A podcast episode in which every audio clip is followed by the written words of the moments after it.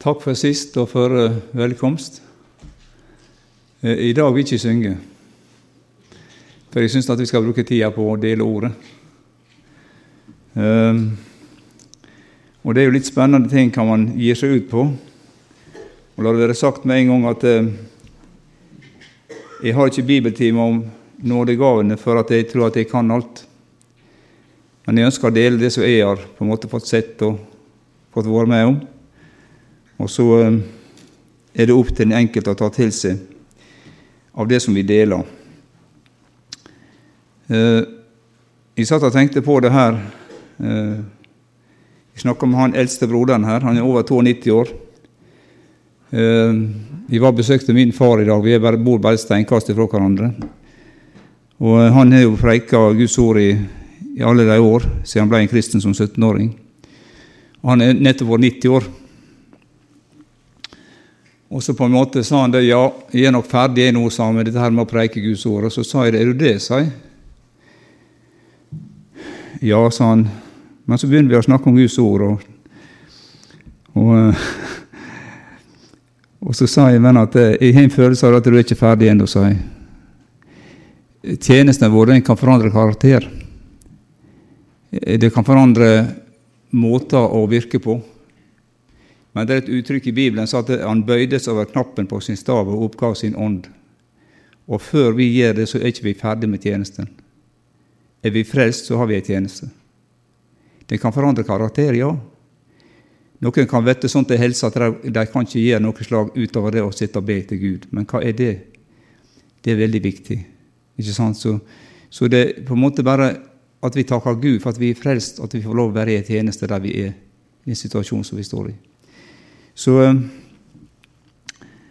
vi skal dele Guds ord i dag og i morgen. Og jeg er takknemlig for å få være med på det, for eh, det er noe av det rikeste jeg kan gjøre, i alle fall, det å være med og dele Guds ord. Eh, når det gjelder dette her med nådegaven, så vet dere at det er ni nådegaver som som er nevnt i Guds ord. Og utover det så er det masse gaver som på en måte Gud gir oss av naturlig art. Tenk bare på disse brødrene som, synger, som spiller her. En med piano og en med kromatisk munnspill. Og det er jo gaver som Gud har gitt oss. Vi kan utøve uh, gudstjeneste med det. Vi kan bruke det vi har. Noen er kreative i barnearbeid og sånn. Og jeg tenker det at det, i mange sammenhenger så blir ikke du først og fremst valgt til ting. Du viser at du har den tjenesten, og så blir du valgt på det grunnlaget. Og Det er viktig at vi kjenner hva det er vi på en måte Gud har gitt oss. Men eh, vi skal eh, se på dette her i dag med visdom, kunnskap og tro som det første. Og Så skal vi ha en pause, og så skal vi ta under helbredelse og åndsbedømmelse. Og så tar vi profeti, tungetall og tydning i morgen. Det var fint det du leste til å begynne med her det er starten på det som de fikk oppleve, eh, de som var samla på pinsefestens dag. Dette her at Den hellige ånd falt, og det var jo et løfte fra Jesus. Han sa det når han, i sin avskjedstale til disiplene. Dette er gang for dere at jeg går bort, han. For at når jeg, har gått bort, han, så skal jeg sende dere en annen talsmann. En annen talsmann.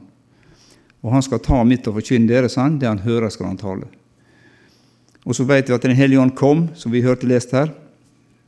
Og Derfor er det sånn at dette her med nådegaven som vi snakker om, det er ikke gave som vi får som en premiering for at vi er, vi er så veldig bra og prektige, men det er gave Hør hva det heter. Det er nådegave. Sant?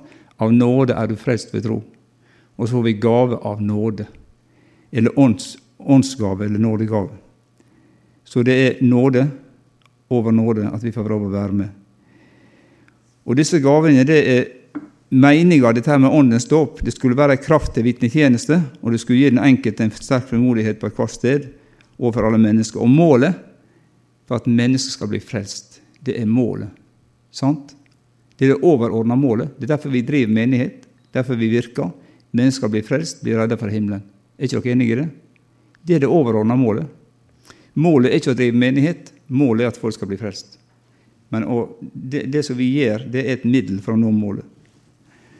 Eh, når vi tenker på eh, talsmannen Den hellige ånd, som Jesus sa, skal sende dere i mitt navn, og han skal lære dere alle ting. Og jeg tenker på Paulus. Vi skal snart be lite grann. Men tenk på Paulus som, som var en lærde mann og hadde sittet ved Gamalias føtter, var det vi kan kalle bibelsprengde, for å si det sånn. Eller har låst rullene og har lært om det. Han var veldig lærd, men han mangla lyset fra himmelen. Og Derfor gjorde han det han gjorde. Han kasta folk i fengsel pga. deres tro. Men så vet han at Paulus møtte lyset ute, fra, ute på Damaskusveien. Hadde hatt teorien i mange år. Og ved, ved dåpen i Hellig Ånd så fikk han lys og klarhet i Bibelen. Så står det at det, og straks forkynte han Kristus. Uh, og Vi tenker også på pinsefesten dag. Uh, disse her 120 menn og kvinner fikk oppleve Åndens dåp. Så fikk de guddommelig veiledning, og Den hellige ånd ble deres kilde til veiledning. Og Jeg tenker også på det at det, det er mange kristne, og, og, tenk litt på det, du som sitter her i, form, i, i kveld. Jeg vet ikke hvor det er med det i forhold til det som du har, det som du har fått opplevd tidligere en gang, kanskje i livet. Mange sier ja, jeg ble åndsdøpt det det året, men hva med livet i dag i den sammenheng? Gud angrer ikke på sine gaver. Og det er viktig for oss å gjenopptenne det som ligger der, som Gud har på en måte gitt oss til å kunne bruke i menigheten. Det viktige er at vi har hatt opplevelsen, men at vi også lever i den tilstanden. Og det går an faktisk å igjen få opptent nådegava som vi har, eller flere. Vi skal komme inn igjen på det tinget etterpå. Vi skal be litt. Kjære Jesus, jeg takker deg, far, for at du er glad i oss. Takk, Herre, at vi kan sitte her i ettermiddag, Jesus, og prise og takke deg for ei fullkommen frelse. Takk at du er banet ny, ny og levende vei for oss like inn i helligdommen. Og takk at du er vår talsmann innenfor vår Far. Og takk at vi kan komme gjennom deg, Herre Jesus, og finne nåde til hjelp i rette tid. Herre Jesus, hjelp meg som skal prøve Jesus å dele litt fra ditt ord om nådegavene, Herre Gud.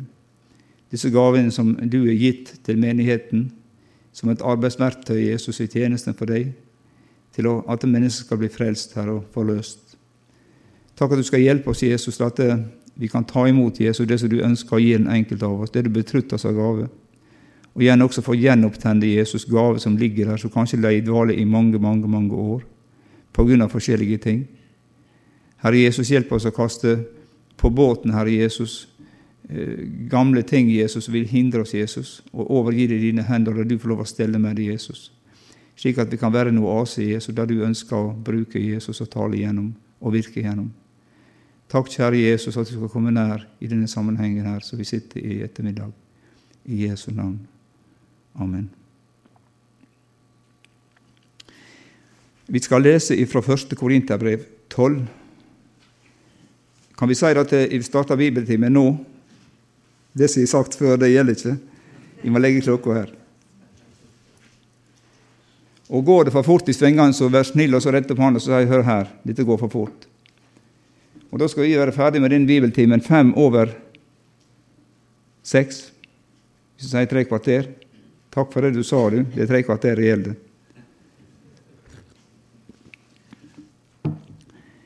Og Da leser vi fra 1. Korinter 12, fra vers 1 til 11, i Jesu navn. Når det gjelder de åndelige gaver, brødre, vil jeg ikke at dere skal være uvitende. Dere vet at dere var selv hedninger, og dere ble dratt bort til disse stumme avgudene, uansett hvordan dere ble ledet. Derfor kunngjør jeg dere at ingen som taler i Guds ånd, sier forbannet være Jesus, og ingen kan si at Jesus er Herre, uten i Den hellige ånd. Det er mange forskjellige nådegaver, men Ånden er den samme. Det er mange forskjellige tjenester, men Herren er den samme. Og det er mange forskjellige kraftige virkninger, men Gud er den samme, som virker alt i alle. Men Åndens åpenbaring blir gitt til hver enkelt etter hva som er ganglig. For til én blir det gitt visdomsord ved Ånden, til en annen kunnskapsord ved den samme ånd, til en annen tro ved den samme ånd, til en annen nådegaver til å utføre helbredelser ved den samme ånd, til en annen kraft til å gjøre undergjerninger, til en annen profetisk gave, til en annen å prøve ånder, til en annen forskjellige slags tunger, og til en annen tydning av tunger. Men den ene og samme ånd virker alle disse forskjellige nådegaver og deler ut til hver enkelt slik han vil. Altså Vi siterte her Når vi leser her, dette her avsnittet her, så er det en interessant oppstilling som vi leser her i vers 4, 5 og 6 i tre avdelinger. Og Det har dere sikkert merka dere for lenge siden. og Vi har nevnt det også her før. Det står det at det, det er mange forskjellige nådegaver, men Ånden er den samme. Det er mange forskjellige tjenester, men Herren er den samme. Og det er mange forskjellige kraftige virkninger, men Gud er den samme som virker alt i alle. Eh, sitter du med minnepinnen der? Eh, den hellige ånd, kan du ta opp den? Vi har hatt den oppe her før. Du kan få velge om du har den på engelsk eller latin. Jeg vet ikke hva språk dere syns er best. Det er engelsk. Og eh, det er ikke alltid lett å forklare treenigheten. Jeg husker det var en kar en gang da jeg kjørte drosje i Hallen, som spurte meg en sjåfør kan du forklare treenigheten for meg. Og Jeg vet ikke om han var frelst, men, eh, eller var, han skulle prøve meg på noe, men det er ikke så lett alltid. Men jeg syns dette er en veldig god eh, illustrasjon, hvis jeg skal greie å, å, å ha en illustrasjon på det. Du er Faderen, Sønnen og Den hellige ånd. Father, Son and Holy Spirit. Og så er du Gud, altså guddommen i midten. Og så ser du Faren er ikke Den hellige ånd. Den hellige ånd er ikke Sønnen. Sønnen er ikke Faderen omvendt. Men alle disse her er Gud i guddommen. Skal vi få den på latin, så kan dere prøve sånn som pave gjør, og eh, lese på latin. Jeg husker når jeg satt disse gudstjenestene, så jeg hørte hørt dette Spiritus Sanctus. Det har jeg hørt han uttalt. Filius pater og daust. Jeg jeg kan ikke latin, men her er den på latin. Men vi har bare den litt i minnet, da. Og det er litt interessant, den arbeidsfordelinga. Vi kan bare ta den ned. Litt interessant den arbeidsfordelinga vi er her. For hør hva det står. Det er forskjellige nådegaver, men ånden er den samme. Mange tjenester, men Herren er den samme. Mange forskjellige kraftige virkninger, men Gud er den samme som virker alltid alle. Altså Her er treenigheten i en, en sammenheng. Og jeg tenker på det som jeg, tenker her, at Gud er ansvarshavende for de kraftige virkningene. Herren Jesus for tjenestene og Ånden for nådegavene. Ei arbeidsfordeling, sånn som jeg ser det her. Det er interessant, syns jeg. Og Når vi snakker om visdomstale i 1. Korinterbrev 12, nevnt som en åndens gave, i likhet med de andre nådegavene, som beskrevet som en åndens åpenbaring som gis til enhver det som er ganglig. Og Det er ikke ofte venner, at vi hører det fokusert på denne nådegava i bønn, selv om den er nevnt som den første i 1. Korinter 12. Og Ut fra det som vi leser, så kan vi trekke den slutninga at visdomstale ved Ånden det er Åndens inspirasjon og åpenbaring av Guds ledelse og vilje, talt av en som Den hellige ånd har betrodd denne gjerninga. Og Det vil da gå fram at det er Herren Jesus som er Herren, og at den som taler, vil fremme Hans vilje. I vers 3.: Derfor kunngjør dere at ingen som taler i Guds ånd, sier forbannet av Jesus, og ingen kan si Jesus er Herre uten i Den hellige ånd. Og Dette her stemmer med det som vi var inne på i stad, med at Jesus sa det at Den hellige ånd skulle komme, og han skulle herliggjøre Jesus. Det står i Johannes 16, 12-15. Jeg vil si at Hvis noen er interessert i å ha dette her eh, som jeg bruker som bakgrunn, her, så går det an at jeg mailer det til dere, eller at han har jeg kan kopiere hvis jeg mailer det til ham. Så det kan vi gjøre en avtale på, for det er ikke så lett å og så på en måte tomle opp. For det er ikke alle bibelsteder her vi, vi kommer til å lese, men jeg bare siterer det der det står. Så det går an, hvis dere vil ha det for dere sjøl til, til, å studere. Når det gjelder visdom, så skal vi slå opp i Jobbs bok. Eh, der står, eh, Vi skal lese litt om det. Jobb 28. Det var jo en prøva mann, vet vi. Og Jobb 28, 12-28 skal vi lese noen vers der. Han stiller spørsmålet i vers 12. Men visdommen, hvor er den å finne? Hvor er stedet der forstanden er? Mennesket kjenner ikke verdien på den, og den er ikke å finne i de levendes land. Tenk på det. Dypet sier 'i meg er den ikke', og havet sier 'hos meg er den ikke'. Den blir ikke solgt for rent gull, og den kan ikke veies opp, veies, veies opp sølv for prisen den har. Den kan ikke veies mot gull fra Ofir, mot dyrebar onyx eller safir. Verken gull eller glass kan sammenlignes med den, og den kan ikke byttes i smykker av fint gull. Koraller eller bergkrystaller får en heller ikke nevne, for visdommen er mer verd å søke enn perler. Topasen fra kurs kan ikke sammenlignes med den, og den kan ikke verdsettes i rent gull. Visdommen, hvor kommer den fra? Hvor er stedet der forstanden er? Den er skjult for øynene på alt som lever, og gjemt for fuglene under himmelen.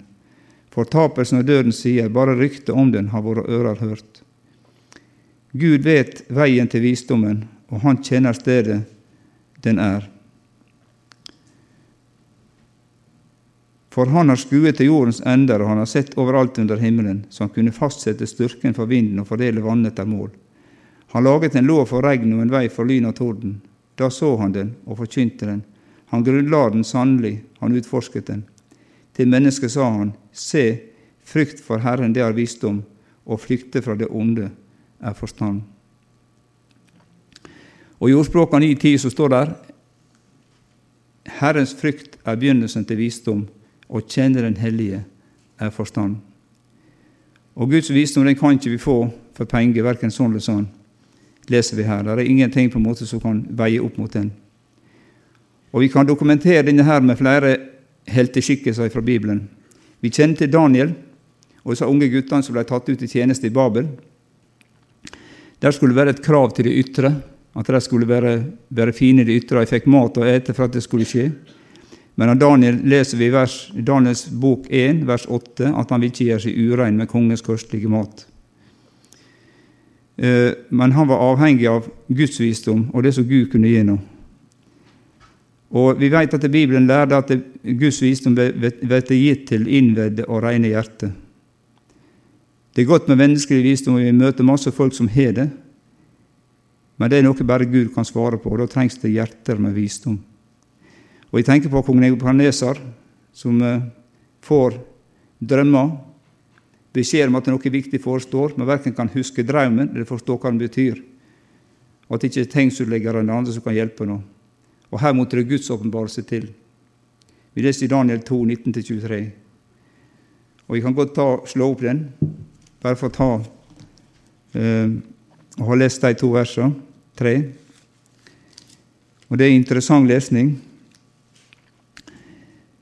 Da ble, eh, da ble hemmeligheten åpenbart for Daniel i et syn om natten. Derfor lovet Daniel himmelens Gud, og Daniel tok til orde og sa:" Lovet være Guds navn fra evighet til evighet, for visdommen og makten tilhører Han. Han skifter tider og årstider, han fjerner konger og oppreiser konger. Han gir de vise visdom i forstandig kunnskap. Han åpenbarer det dype og skjulte, han vet hva som er i mørket, og hos ham bor lyset. Jeg takker og priser deg, mine fedres Gud, det er du som har gitt meg visdom og styrke. Det vi ba deg om, har du også gjort kjent for meg, for det kongen spør om, har du nå gjort kjent for oss. Og Jeg tenker også et uttrykk som han bruker her, jeg takker deg, våre fedres Gud.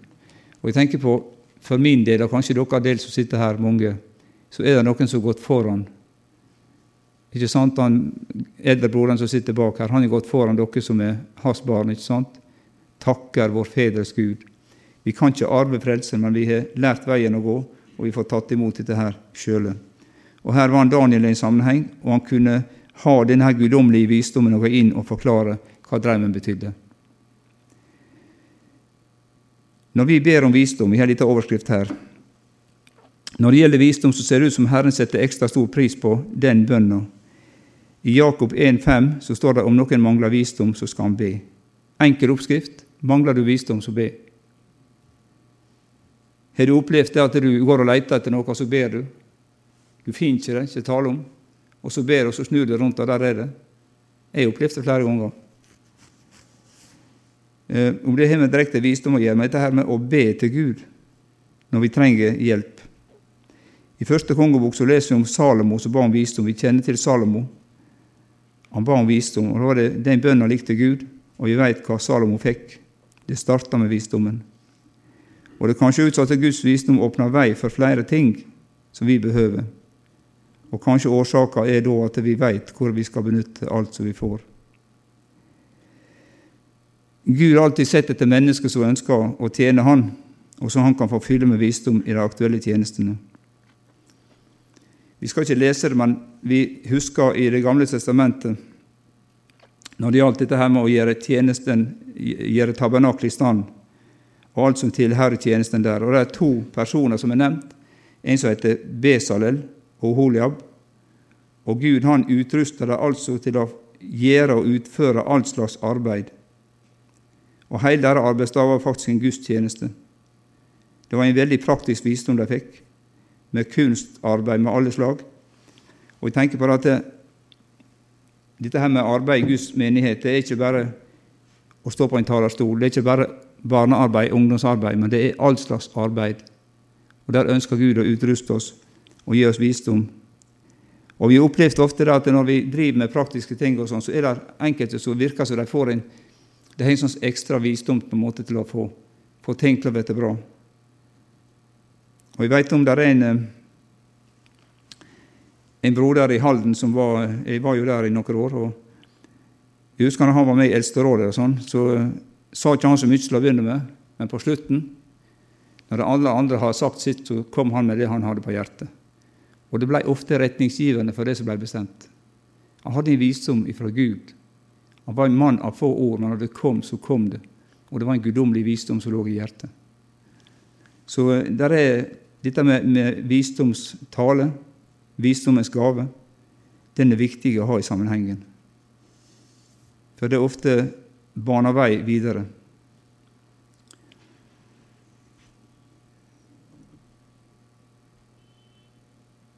Guds visdom den plasseres også i menneskets ånd. Derfor leser vi ofte i Bibelen om ånd og visdom som også hører sammen. I Efeserne 1,17 så er det ingen kjente bønner. Ber om at Gud skal fylle dere med visdoms- og åpenbaringsånd til kunnskap om Han. Det har du hørt før, ikke sant? Visdoms- og åpenbaringsånd til kunnskap om Han. Og Vi tenker på i apostelens gjerninger da de skulle velge sju diakoner, eller sju som skulle tjene ved bordet. Vi vet at det var veldig mye som, som, eh, som skjedde og det var noen som mente de ble satt til side, de fikk ikke det de skulle ha. Og så valgte de sju diakoner.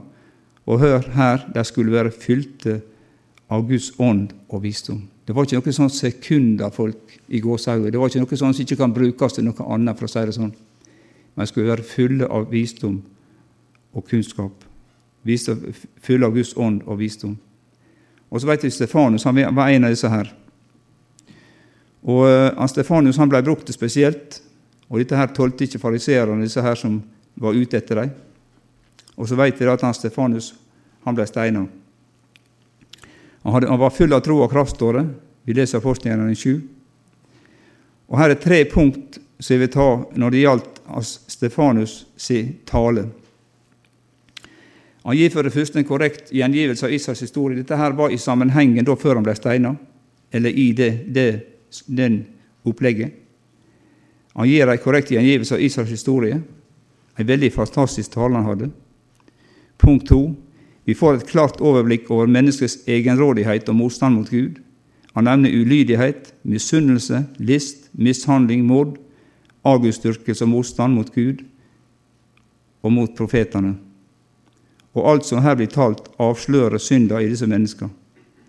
Men så sier han til slutt det var en begeistring og glød som ble også fremheva velsignelsen ved å få lyde Gud og gjøre Hans vilje. Dette var tale som han hadde i sammenhengen der han skulle bli steina. Og uten at han nevner navn eller peker på noen spesielle, så ble det sånn at alle ble dømt i denne sammenhengen som var der. Det var en visdomstale ifra Gud som var bunn ærlig, og da blir det slik. Og jeg vet at i sammenhenger så eh, har mennesker eller talere blitt spurt, eller de som er kalt talere, blitt spurt har du fortalt talere noe om meg? Ja. Når jeg var leder i, i, i Fjørdal Fjølstadvik, så kunne det være ting ikke sant, som du måtte ta i tur med i forhold til mennesker. Og så kommer mennesker etterpå og spør de, har du fortalt talere om meg. Da talte han inn i situasjonen. Visdomstale var ånden.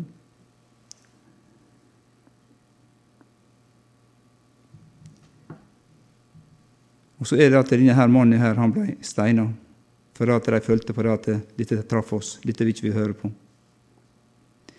Så i konklusjonen når det gjelder visdomstale, det er at vi, å klargjøre for mennesker Guds plan og vilje.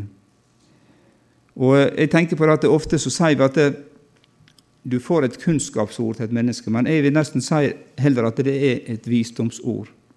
Vi skal gå inn på kunnskapsord nå og skal få høre at det er litt annerledes. Ut ifra det som man forstår, i alle fall. Uh, altså dette her med visdomstale å klargjøre for mennesker Guds plan og vilje. Og det er når du, når du er i formen for et menneske, så kan du få et ord fra Herren inn i situasjonen.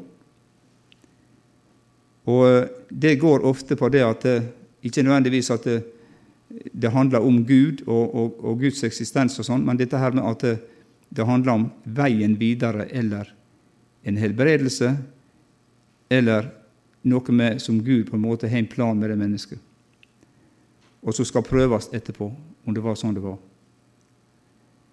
Så vi som taler, det å klargjøre for mennesker Guds plan og vilje. Så eh, la den ligge der. Det var en liten grann om visdomstale. Og jeg vil si det sånn, venner, la vi være åpne for det som Gud ønsker å gi oss. Noen har sagt at nei, den nådegava vil ikke jeg ha, men så har de fått den. Vi vil ikke det men Gud vil det for oss. Alt etter hva som er ganglig, leste vi i 1. Korintia 12. Alt etter hva som er ganglig. Men det er velsigna å oppleve det når du kjenner at det, det, det, det finner rom hos et menneske det du deler. Det er velsigna. Det gir en gjenklang i hjertet, og du kjenner at det, det, det er veldig godt. Så har vi dette med kunnskapstale ved Ånden. og Disse her to de er veldig beslekta. Eh, og det er egentlig vanskelig å berøre den ene uten den andre. Derfor så, så tar jeg dem i sammenhengen. Og Hør nå forskjellen.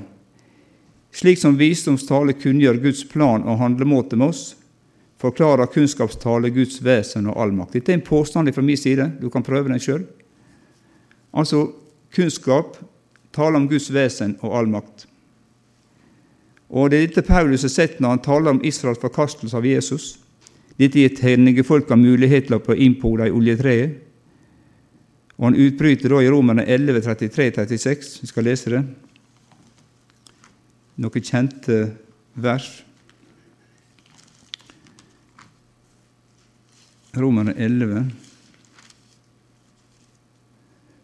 Og så hadde vi 33-36. Og hvilken dypte av rikdom og visdom og kunnskap hos Gud, hvor uransakelig Hans dommer er, og hvor uutgrunnelige Hans veier. For hvem har kjent Herren sin, eller hvem var Hans rådgiver? Eller hvem har først gitt noe til ham, så han skulle få gjengjeld? For av ham og ved ham og til ham er alle ting. Ham være æren i all evighet. Amen. Her snakker han om her er kunnskap inne i bildet. Og Paulus han er overvelda av Guds visdom, kunnskap og nåde i lovprisninga. Og det er, ikke, det er ikke ubesvarte spørsmål som han kaster fram, men svaret her det er Jesus. Svaret her er Jesus og dyp av nåde.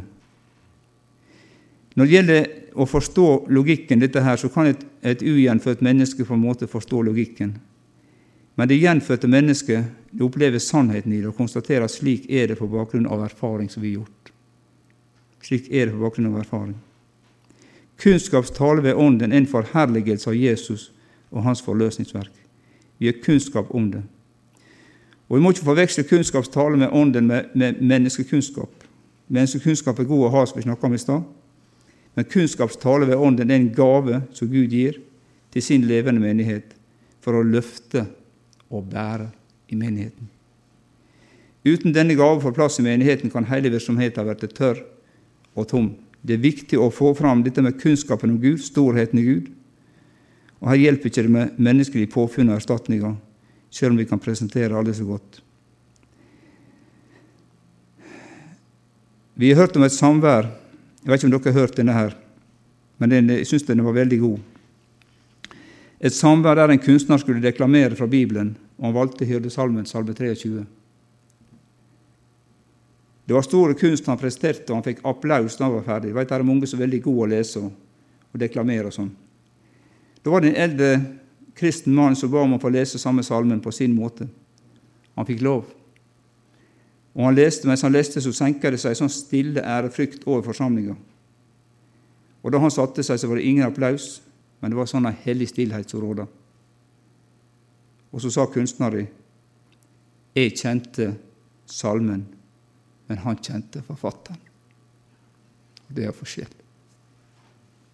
Det er forskjell. Kunnskap og kjennskap. Du kan få kjennskap gjennom kunnskap, men å ha bare kunnskap, det hjelper ikke i din sammenheng. Må få kjennskap til forfatteren. Jeg kjente salmen sånn, men han kjente forfatteren.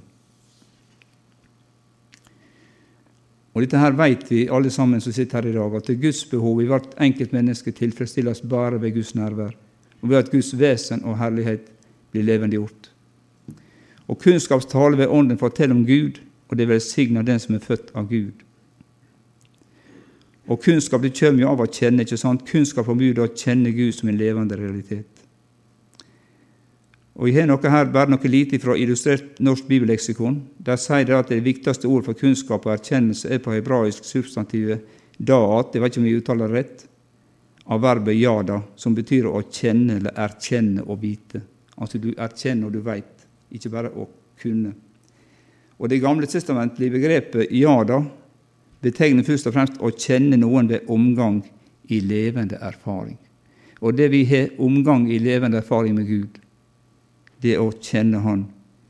Og så står det 'og kraften av Hans oppstandelse' står det plass. Vi har et eksempel i Apostelgjerningen 19, 15-16. Vi skal ikke lese det, men jeg skal bare sitere det. Vi kjenner til da Paulus, der var store kraftgjerninger de gjorde, og mange ting som skjedde. Og så er det noen som skal prøve seg å gjøre det samme. Skevas sønner, det var sju i tallet av en ypperste prest. Sønn av en prest og de skulle prøve å drive ut av vond ånd.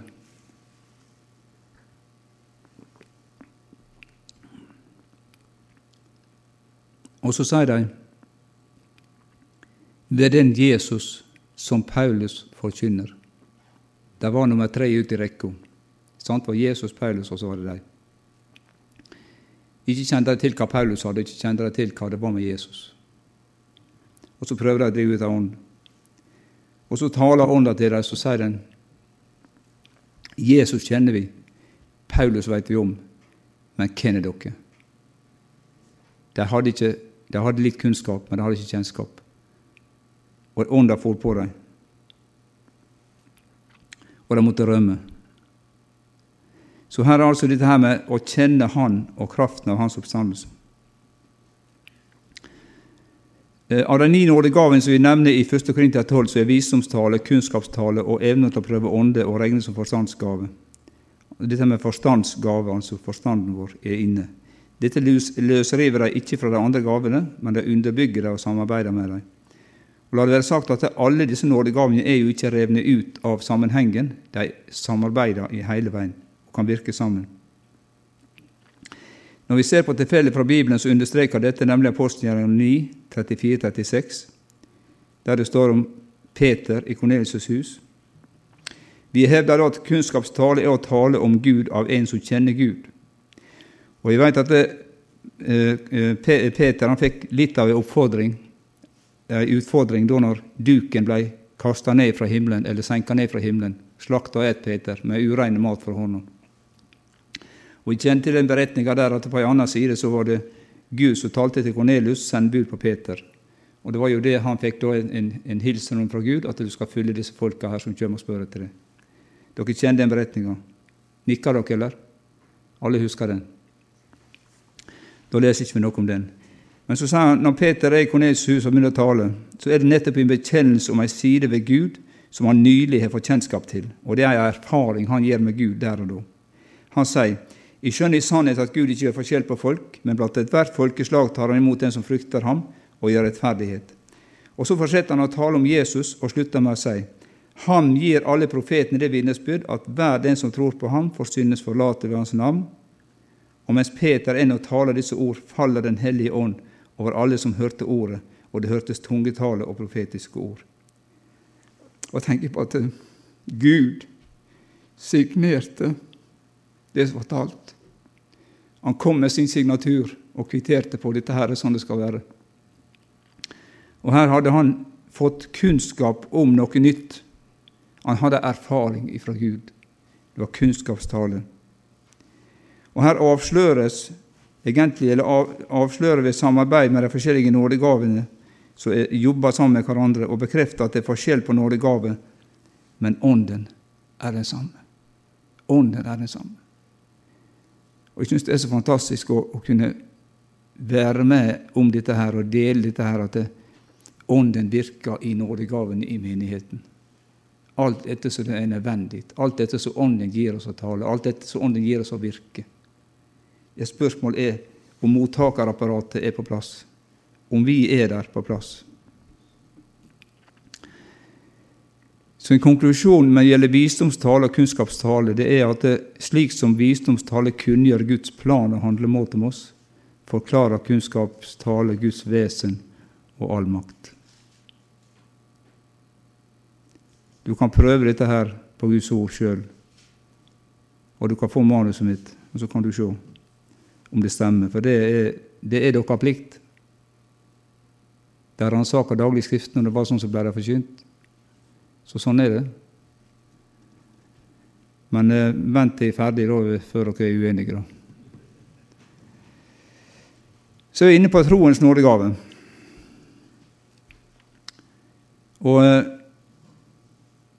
Jeg sa vel ikke det i stad, men jeg lista opp tre som hører i lag. Men altså, vi har deler det inn i tre grupper. Forstandsgave, som består av visdom, kunnskap, evne til å prøve ånde. Inspirasjonsgave. Ikke sant? Forskjellige slags tunge, tydninger av tunge og profetisk gave. Du kan sitte inn i menigheten, og plutselig så kjenner du at Gud kommer med inspirasjon, og så reiser man seg, og så, og så taler. Enten det er profetisk tale, det er tunge og tydning. Og så er det kraftgjerninger. Det har med tro å gjøre, det har med undergjerninger å gjøre, og det har med helbredelse å gjøre. Det er det man kan si som er kraftgjerninger. Og Troens nådegave finner vi da altså i gruppen kraftgjerninger, men jeg har valgt å ta den i denne sammenhengen her. I 1. Korinter 13, 2, så står det bl.a.: Om jeg har all tro, så jeg kan flytte fjell, osv., men ikke har kjærlighet. Men Vi skal ikke inn på det, men dette her med om jeg har all tro, om jeg kan flytte fjell. Og eh, Det sier også noe om risikoen for å si det sånn ved å eie denne krafta, hvis man ikke er grepen av Jesu kjærlighet og vilje, altså være i Den hellige ånd. Og Vi har faktisk veldig lett for å bedømme situasjoner etter det som skjer i det ytre. Og vi glemmer ofte at det som skjer i det ytre, det er jobba gjennom på det indre plan først. Det som skjer i det ytre, også i menigheten, når det gjelder åndelige ting, det er skjedd i ånden først. Først det åndelige, så det ytre for oss. Og Hvis ikke vi fornyes i vårt åndsliv slik at kjærligheten til Jesus og våre medmennesker er til stede, blir vi sneversynte, og vi blir faktisk farlige i vår gjerning. Det er ødeleggende for menigheten hvis vi skal utøve en sånn tjeneste. Vi har lest faktisk om da folk i en samaritansk by ikke tok imot Jesus. Han var på vei mot Jerusalem. Da ville Jakob og Johannes ha tillatelse av Jesus til å la ild fare ned fra himmelen og fortære dem. Har du hørt på maken? Det var, en, det var, to av brødrene. To av disse her som var med Jesus. Hadde de kjærlighet i hjertet ved den anledninga der? De fikk ikke lov. Jesus sa til dere veit ikke hva ånd dere er, sånn. Og det er ikke slike kraftgjerninger Jesus vil være med på. Jeg tenker på Peter i, i, i, i hagen. Han greip til sverd. Det er klart han ville forsvare Jesus, men det var jo måte på. Dere veit ikke hvilken ånd dere er, sa Jesus. Og han sagt det sjøl i Lukas 9, 55-56. Menneskesønnen er ikke kommet for å ødelegge menneskeliv, men for å frelse. For å frelse. Derfor kom Jesus. Å tro, det er tillit til Gud. Og det er ikke det synlige som avgjør truens tilstand, men det synlige kan påvirkes og forandres ved truens virksomhet. Vi kjenner til dette truskapittelet, Hebreerne 11, 1-3. Der står det at tro er full visshet om det som håpes, og bevisning om ting du ikke har sett. det er tro. Det er ikke vanskelig for meg å tro at dere sitter der, for dere gjør jo det. Vi ser jo det. Ikke sant? Men du på en måte kan prøve å forklare litt med tro at du vet at det, klokka tolv skal bussen gå ned fra krysset her. Da går du ned til dit til klokka tolv. Du tror at bussen kommer, for det står i ruta. Vi har også ei rute her der Jesus sier på syke skal legge sine hender, og de skal bli helbredet. Vi handler i tru. Vi ber i tru, for vi har det skriftlig. Sånn? Akkurat som bussruta. Kanskje et dårlig bilde, men Og så står det her at troen kommer av forkynnelsen, og forkynnelsen ved Kristi ord. Derfor er det nødvendig å lese Guds ord og forkynne Guds ord slik som det står. Vi tatt med dette her med profeten Elias, som ba, og det regna ikke på tre år og seks måneder. Tre og et halvt år. Det var ei tørketid. Og så vi at Gud han eh, ga han anledning til å ta et oppgjør med Bals profeter. Vi vet at han fikk ilden til å falle på Karmel og fortærte offer og alt som var. Og det var Herren som ga ild. Og så er det at de skal eh, De venter på regn. Og her er det profeten. Han har altså tro på at det kommer regn. Det var ikke sky å se. Og Så satte han seg opp i fjellet med hodet mellom føttene, og så sendte han drengen opp. Gå og se etter regn. Se om det kommer noen skyer. En gang, to ganger, tre ganger, fire ganger, fem ganger, seks ganger. Det var ingen sky å se. Sjuende gangen så sa han det er ei sky så stor som ei håndsbredd. Skynd deg ned, sa profeten. Det lydde sus av kraftig regn. Han hørte det i ånden. Han hadde tro på at det han hørte i ånden, det skulle materialisere seg. Og det skjedde i det åndelige før det materialiserte seg, sånn som vi sa i stad. Det skjer i ånden. Det har skjedd i ånden. Det har allerede skjedd. Og tenk på det som de talte i det profetiske, det som skulle skje. Jesus Kristus skulle bli født. Det var trosord som ble talt. Jeg hører susen av kraftig regn. Det lyder sus av kraftig regn. Vi har en sangen som Evangeliesenteret synger veldig fort. Det høres susen av regn. En skikkelig dreiv på den. Og jeg tenker på dette her med, med dette her med livet i menigheten og forbundet og ungdom. Denne velsignelsen ved å vokse opp i et gudfryktig miljø det kommer klart fram i 2. Timotius 1, 5-6, der Paulus oppmuntrer Timotius igjen til å opptenne den nådegave som er i han, og som ble gitt ved hans påleggelse av de eldste. Og som vi sa i stad helt innledningsvis, nådegaven sitt kall, det angrer ikke Gud på. Og Derfor er det viktig på oss å gjenopptenne det som Gud har gitt oss. Om han, Timoteus var mismodigere, det vet jeg ikke noe om, men eh, men i alle fall så når vi leser dette, her, så er det kanskje truens nådegave som det her er tale om, ut ifra det som vi leser. Og eh, snak, Han snakker om både mora og mormora hans Timoteus der. Og Vi kan nesten ha en følelse av at det, man arver trua. men det, Du kan ikke arve trua, men samtidig så er gava gitt ved hans påleggelse. Men jeg tenker på det miljøet som man lever i, og som ungene lever i, og, og det på en måte som vi lærer dem. Lærer vi dem vantro, eller lærer vi dem tru? Det kan vi tenke litt igjennom. Proklamerer vi Jesus og tru, eller er det vantru? Nei, det skjer aldri. Nei, det går aldri.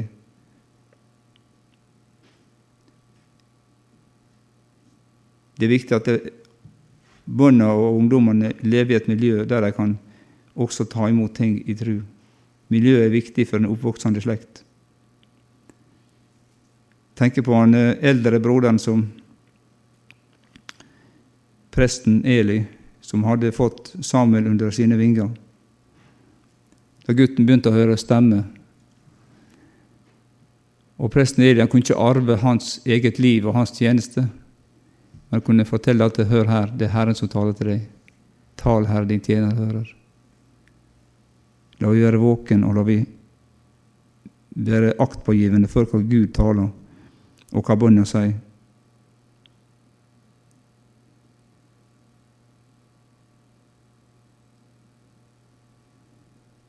Jeg tenker på en, en som er kanskje nevnt det før, folk tilgir meg da, men jeg bestefar til en kar på ti år. Bestefar til pleierdommen en på ti år som heter Emil. Og han er veldig opptatt av at folk skal være frelst. Og det var en kamerat som hadde fått, og det store, det store minuset for henne, og han greit litt, det var at han, han tror ikke på Jesus. Og samme gutten han sitter framfor tanta en dag i sofaen vår hjemme over bordet, og så spør han Tror du på Jesus, sa han. Eller er du en kristen, sa han. Men, ja, hva du mener med det, sa hun. Litt, ble sånn papp, paff. Ja, tror du på Jesus og Gud og sånn, han. Ja, gjerne vel det, sa hun. Hva annet skulle de tro på? Og Da fikk hun bekjenne det der, for hun har ikke vært noen bekjennende kristen. Hun. Men hun bekjente det der for en liten gutt på ti år. Og var opptatt med det. Dette her at, vi, at de får lov å vokse opp i tru. Og samme gutten sa det når vi spurte han hva du var før du ble født.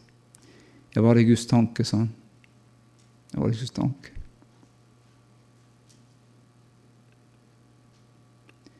Det er viktig at de får det.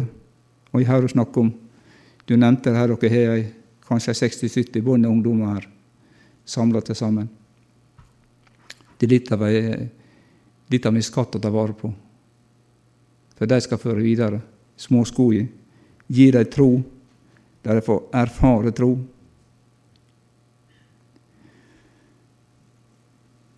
Kommer for meg noe som han fortalte. Han står navnet stilt i min alder. Uh, Tom Aune, Pinsekirka i Bærum. Han var en tur opp på meg i Halden da han var og preika i salen, og så snakka vi om en del ting. Og Han uh, var en av disse her som valfarta, eller var en tur til Pensacola da vekkelsen var der. Og de var inn på uh, et møte mens de venta på møtet på kvelden, så var de inn på et møte som var et barnemøte. Og det var masse unger som hadde møter, hadde regien sjøl, alt sammen sjøl. De var over oppsyn av voksne, men de hadde alt regi sjøl. Og Så satt de på bakerste benk der, og så var det en som gikk ut, og så kom han til og så sa de dere må bare gå fram og bli bedt for når de inviterer til forbønn. Og så kan velsigne dere. Og eh, Det hørte i historien at han Tom Aune han hadde gått der sammen med andre brødre, og så hadde Gud talt inn i hans hjerte. og Så han sagt at eh, skal multiplisere din menighet. Da var det ca. 80 medlemmer i Bærum. Jeg skal multiplisere din menighet, sa han. Og så gikk han eh, tom fram til forbønn til disse bøndene. Og de bøgde kne, for de var, jo, de var jo små. Og så kom det Gud på til en tolvåring, og så la han handa på henne. Og på amerikansk så sa han det at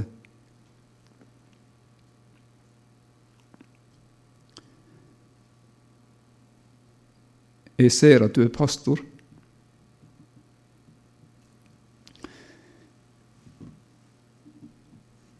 Og Gud han sier det med meg at jeg skal multiplisere din menighet. Fikk han i grunn tolvåring. Gud igjennom. Med et visdomsord inn i sammenhengen. Og det skjedde. For jeg fikk en masse innvandrere ute på, fra Trandum inn i menigheten der.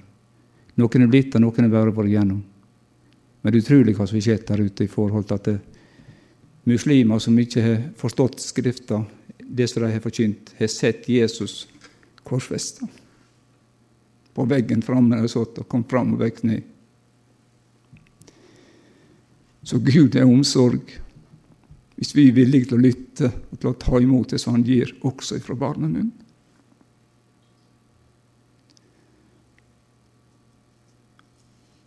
Og bare la, la bånda slippe til.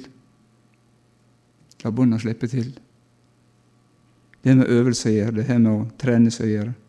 Det har med tillit å gjøre.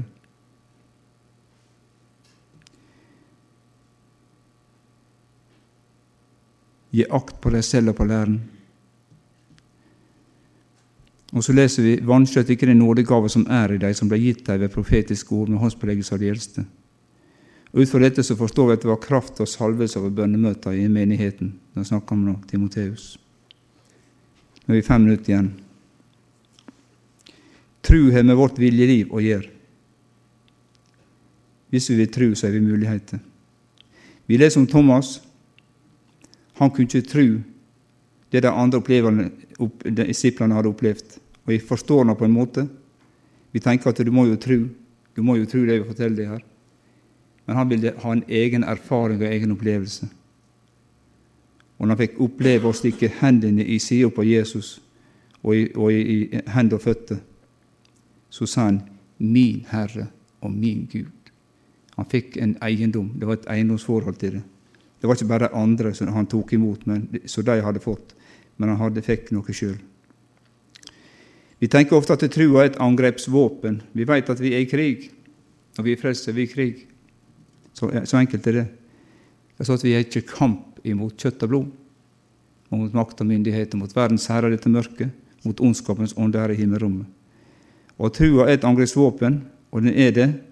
Men i Fesane 6 så står det at Guds fulle rustning er beskrevet at troa er oppnevnt som et forsvarsvåpen, nemlig troens skjold, hvormed den kan slukke alle den ondes brennende piler.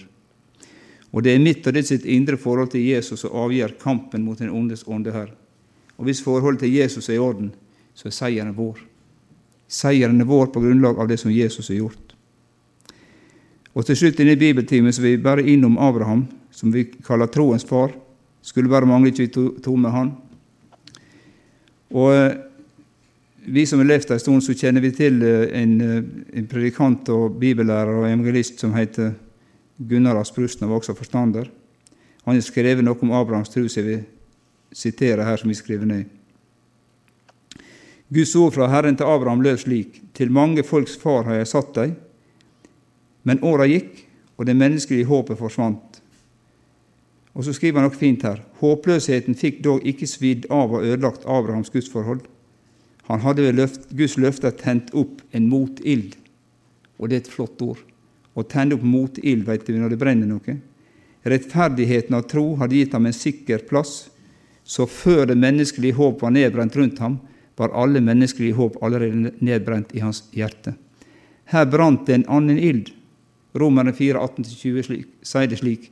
Mot håp trodde han med håp. Mot håp med håp. Det var det guddommelige håpet. For at han skulle bli mange folks far etter det som var sagt, så skal din ett bli. Og uten å bli svak i troen så han på sitt eget legeme, som var utlevd. Han var nesten 100 år gammel, og på Saras utdøde mors liv. Og på Guds løfte tvilte han ikke i vantro, men ble sterk i sin tro i det han Gud æren. Han var full viss på at det han hadde lovt, det var han også mektig til å gjøre. Og han fikk oppleve at det løftet ble oppfylt. Husker dere hva vi snakka om før? Etter hvor lang tid? 25 år. Ifra han fikk løftet til han fikk sønnen, så gikk det 25 år, men han fikk sønnen. Han gikk i tru. Og det fremgår tydelig at en kilde til å virke sterk i trua er å gi Gud ære.